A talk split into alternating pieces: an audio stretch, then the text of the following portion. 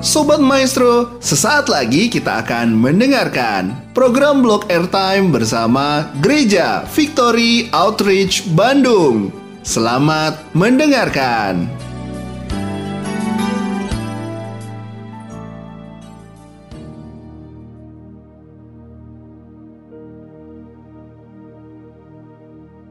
Shalom, selamat malam Sobat Maestro. Kembali bersama saya Jeffrey Mokalu dari Gereja Victory Outreach Bandung. Malam hari ini kita akan kembali menghabiskan waktu dalam beberapa menit ke depan. Dan saya berdoa, saya berharap lewat waktu yang kita habiskan bersama Kita boleh dikuatkan, kita boleh diteguhkan, kita boleh diberkati tentu saja Dan melihat harapan di dalam Kristus Yesus Tuhan kita yang akan membuat kehidupan kita boleh melalui apa pun yang sedang kita lalui dan menang dalam melaluinya. Jadi malam hari ini saya percaya kita akan diberkati semuanya. Bahkan malam hari ini eh, saya kedatangan seseorang yang luar biasa yang akan bersaksi mengenai kehidupannya dahulu sebelum bertemu dengan Tuhan, lalu ketika bertemu dengan Tuhan dan apa yang Tuhan lakukan dalam hidup hidupnya. Sekali lagi, ini akan memberkati kita semua dan akan memberikan kita sebuah pengharapan, kabar pengharapan untuk mereka-mereka yang memiliki masalah, memiliki keterikatan, memiliki masa lalu yang buruk, tidak harus selamanya hidup di level yang sama karena Tuhan sanggup mengubahkan kehidupan umatnya, kehidupan kita semua. Namun sebelum kita memulainya malam hari ini mendengar kesaksian yang luar biasa, kita akan sama-sama berdoa berdoa terlebih dahulu. Mari kita sama-sama berdoa malam hari ini. Tuhan Yesus, malam hari ini kami datang di hadapanmu dan kami berdoa biar Tuhan boleh campur tangan, Tuhan boleh mengerjakan perkara-perkara ajaib dalam kehidupan kami, bahkan dalam waktu yang kami ambil, Tuhan bekerja memberikan kami kekuatan jalan keluar untuk kami bisa melihat kemenangan seperti yang Tuhan rencanakan untuk kehidupan kami. Terima kasih Tuhan, hanya di dalam namamu Tuhan Yesus Kristus kami berdoa. Amin. Nah, Sobat Maestro, malam hari ini seperti yang tadi di awal saya katakan, kita kedatangan seorang uh, narasumber, kita kedatangan seseorang uh, wanita yang luar biasa yang hidupnya Tuhan telah ubahkan dan kita ingin mendengar bagaimana kehidupan dia diubahkan oleh Tuhan dan kita akan tentu saja melihat sebuah harapan ketika melihat bagaimana Tuhan bekerja.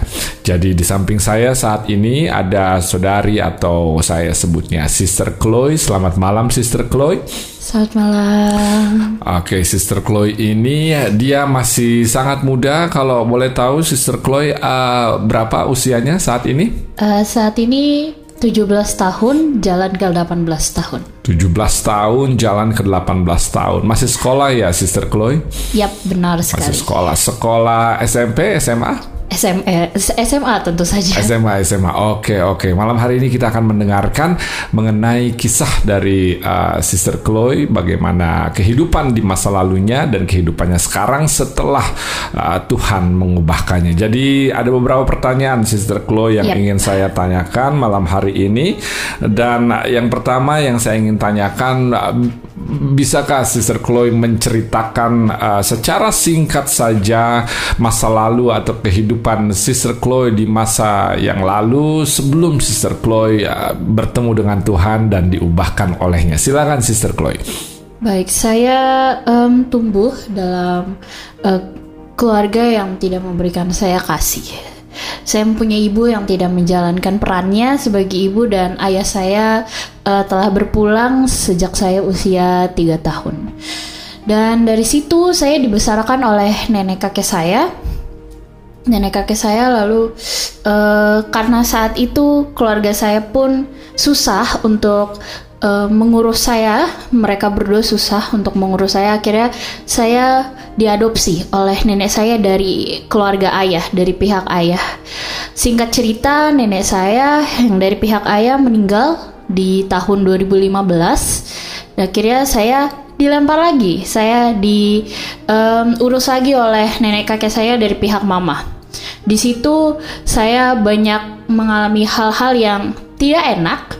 Saya di dilabeli, saya dianggap sebagai anak yang tidak bisa diandalkan, saya dianggap sebagai anak yang tidak bisa uh, diharapkan uh, hal-hal semacam itu. Saya saya saya dilabeli bahwa saya penyebab nenek saya mati mereka mereka stres karena urus saya sedikit cerita seperti itu. Dan akhirnya saya uh, menjadi pemberontak saya menghidupi dalam tanda kutip label-label yang sudah mereka uh, berikan pada saya saya menjadi anak yang ah ya udahlah kan mereka juga udah nggak ngarepin saya lagi udahlah saya saya bertingkah semau saya saja. Secara singkat hidup saya seperti itu di masa lalu.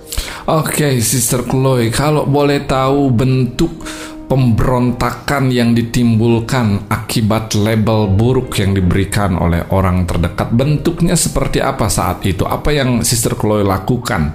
Uh, bentuk pemberontakannya itu dalam kehidupan yang dilaluinya bentuk pemberontakan saya waktu itu saya melawan mereka saya menaikkan nada tinggi bahkan saya nggak sekolah saya tidak melakukan kewajiban saya sebagai murid kewajiban saya sebagai anak saya jadi uh, hidup semau saya. Tidak lari memang ke narkoba ataupun merokok ke pergaulan bebas tetapi berdampak buruk jadinya bagi saya. Saya tidak ikut sekolah saya hampir dikeluarkan bahkan dari sekolah di kelas 8 di kelas 2 SMP lalu saya melawan mereka saya bahkan sempat berantem pukul-pukulan sama mama gitu seperti itu. Oke, jadi akibat label yang diberikan oleh keluarganya atau orang terdekatnya, Chloe akhirnya mempercayai bahwa saya memang seperti apa yang mereka katakan sehingga itu mendorong Sister Chloe untuk berbuat persis seperti apa yang dikatakan oleh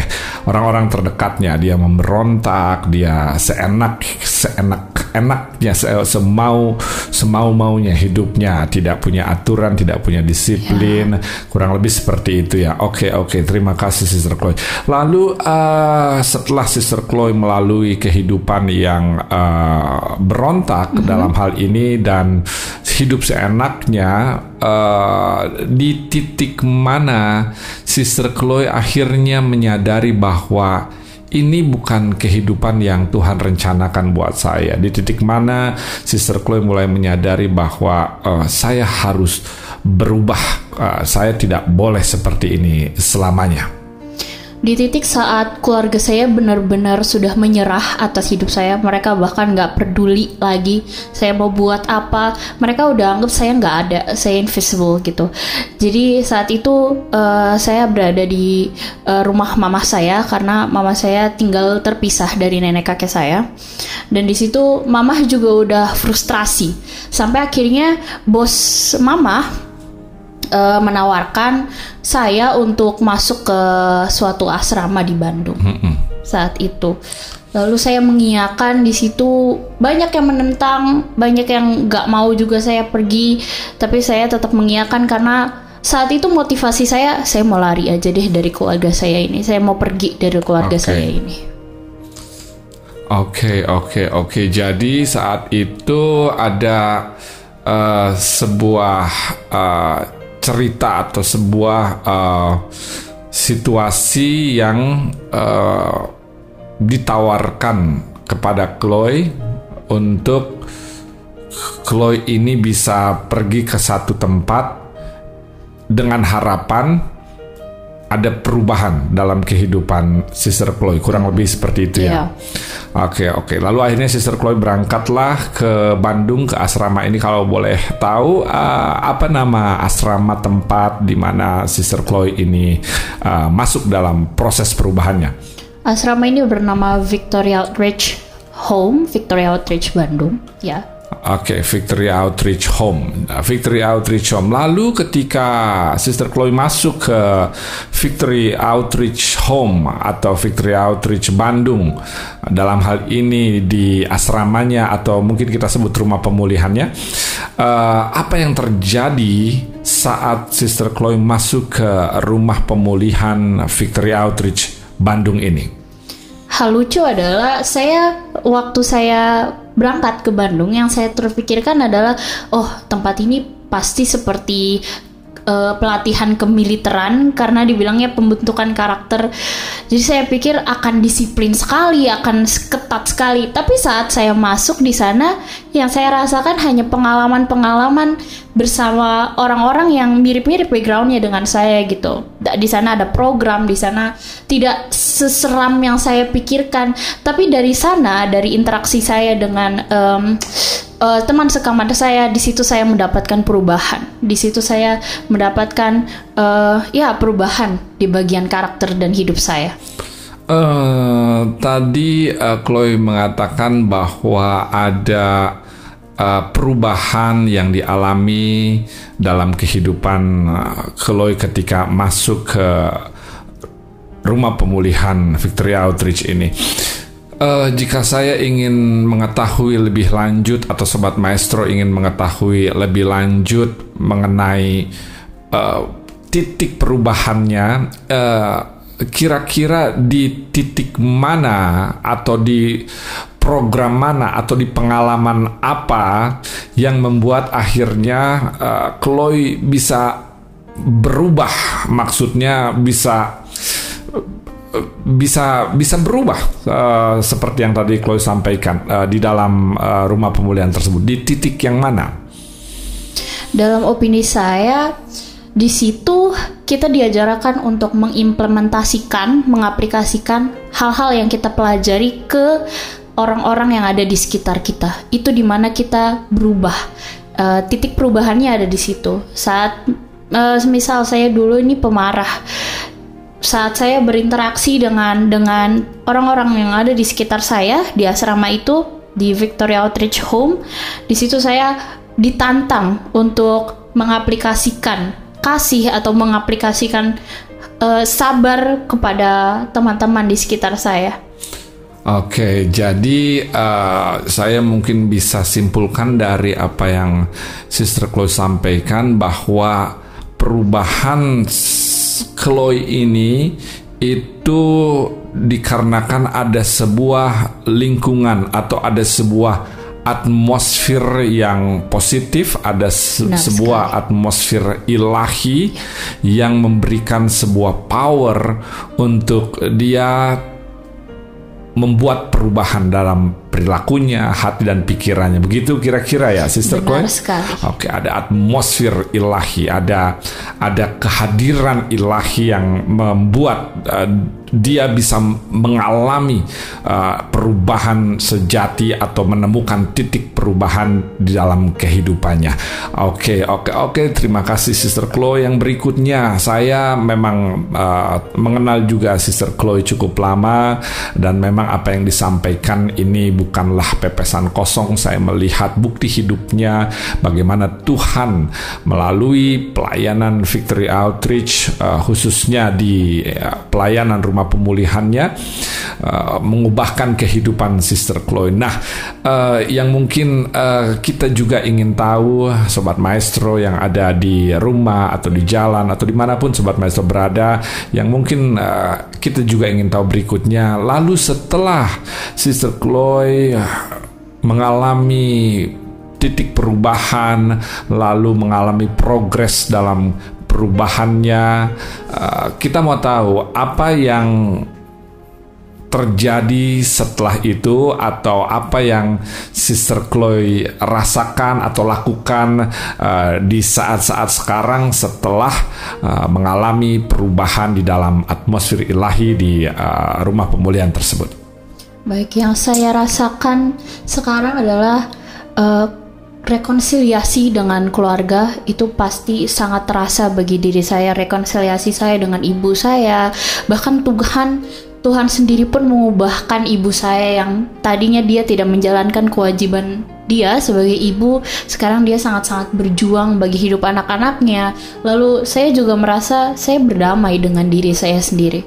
Saya mam bisa mampu untuk melepaskan label-label yang ditanam ke dalam diri saya dan terlebih lagi saya mendapatkan lingkungan yang sangat baik di mana orang-orang yang ada dalam lingkungan saya yang ada di sekitar saya mereka terus menaruh support dalam diri saya. Dia mereka menaruh dukungan dalam diri saya bahkan mereka membantu saya untuk saya bisa menemukan potensi dalam diri saya.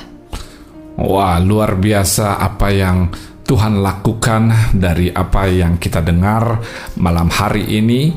Kehidupan Sister Chloe yang dulunya begitu penuh pemberontakan, namun diubahkan oleh Tuhan, dan bukti perubahannya yang kita dengar sama-sama tercipta sebuah rekonsiliasi atau pemulihan dengan keluarganya, khususnya orang tuanya dalam hal ini ibunya.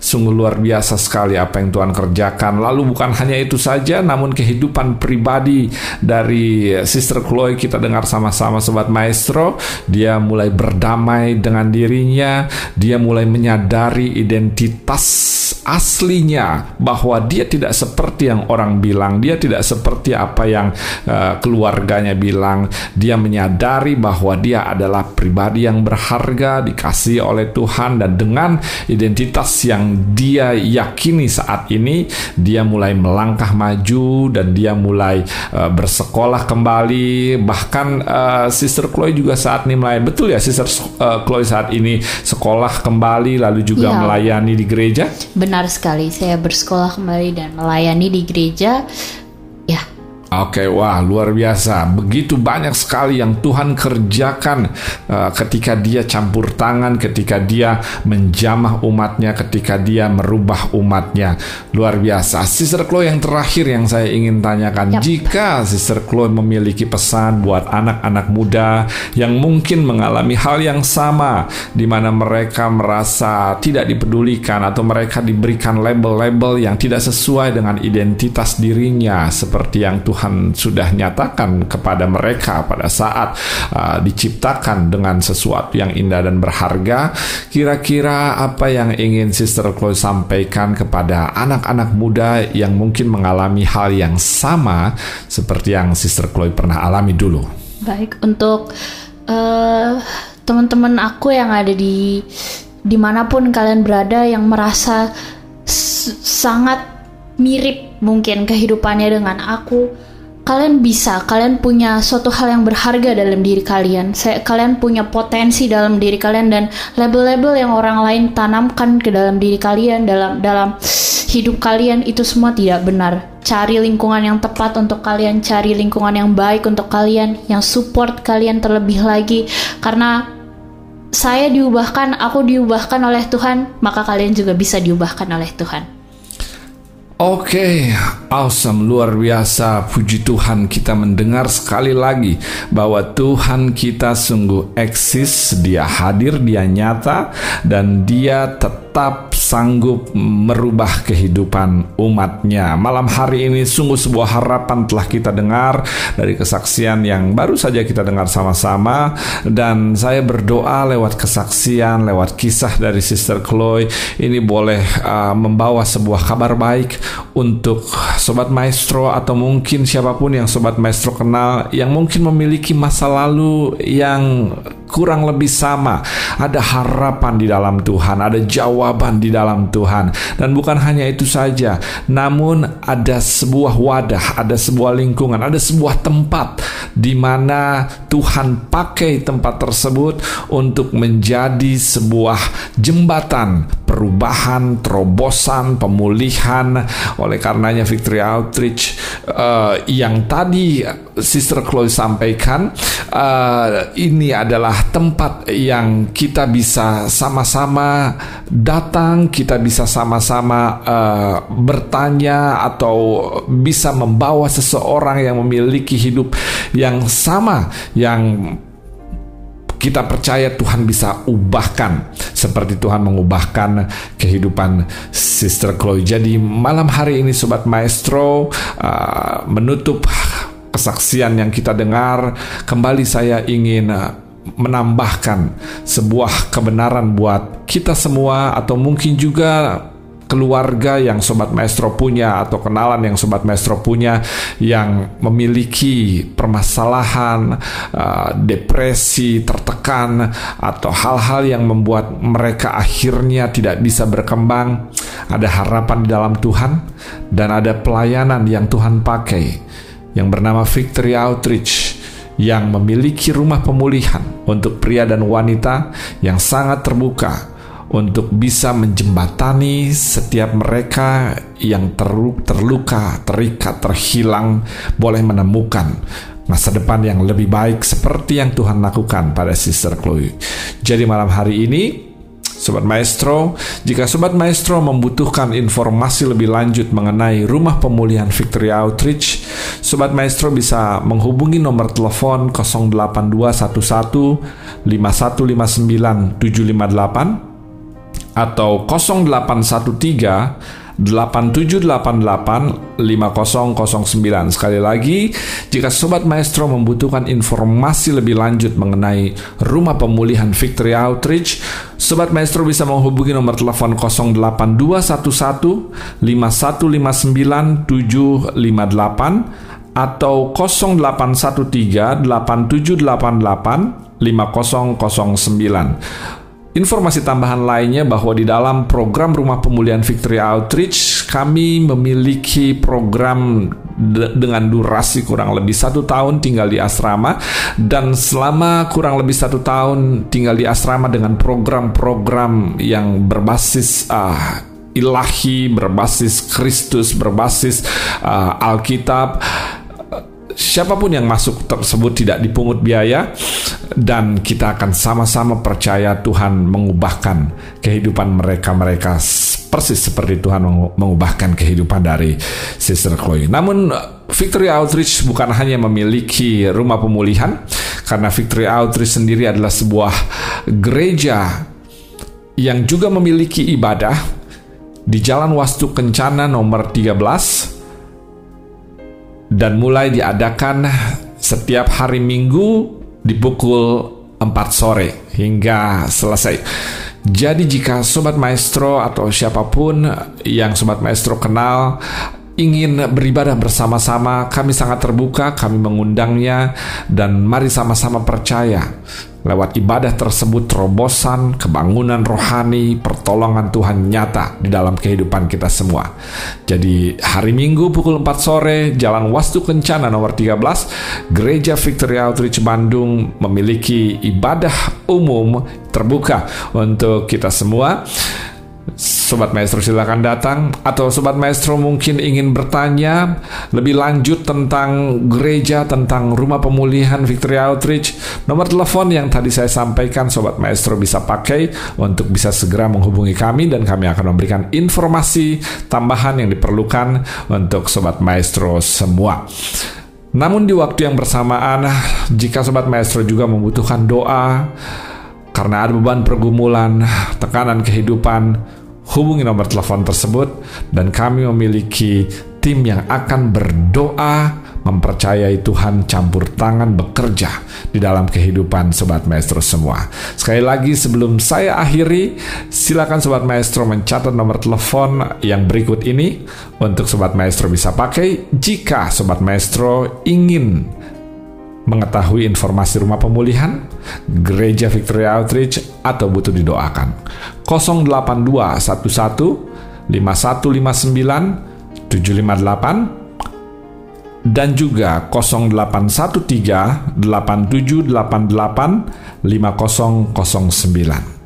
Sobat Maestro, terima kasih buat kebersamaannya malam hari ini. Saya berdoa kita semua boleh dikuatkan, terdorong untuk boleh hidup di dalam kehendak Tuhan dan menikmati berkat dan rencana Tuhan. Terima kasih dan malam hari ini kita akan selesai. Sister Chloe sekali lagi terima kasih untuk waktunya dan juga untuk kesaksiannya. Dan sebelum kita menutupnya, mari kita sama-sama berdoa malam hari ini. Terima kasih Tuhan sungguh diberkati melihat kuasa Tuhan bekerja dalam kehidupan umatmu.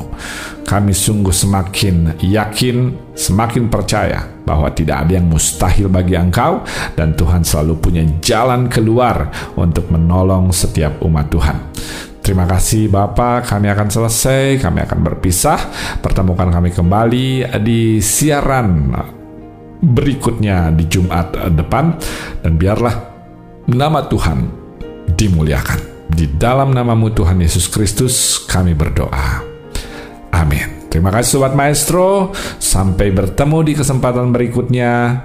Dan Tuhan Yesus memberkati kita semua.